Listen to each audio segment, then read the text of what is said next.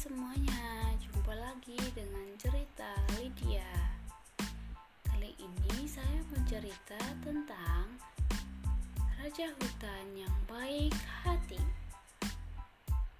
Pada suatu hari, hiduplah seekor singa di hutan. Namanya adalah Sam. Semua binatang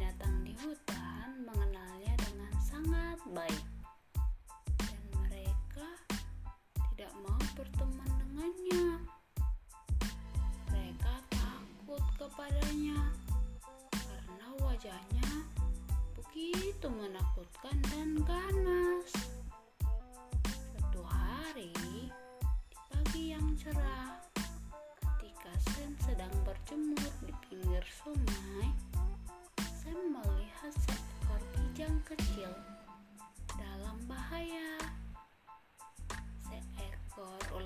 raksasa ingin memakan kijang kecil.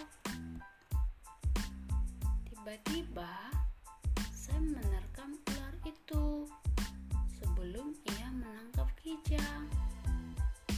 Sang ular pun ketakutan dan pergi meninggalkan kijang dan Sam.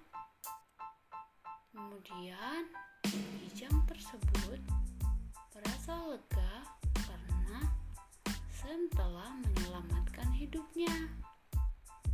Nah, setelah kejadian itu, si kijang kecil memberitahukan kepada teman-temannya di hutan bahwa Sam adalah seekor singa yang baik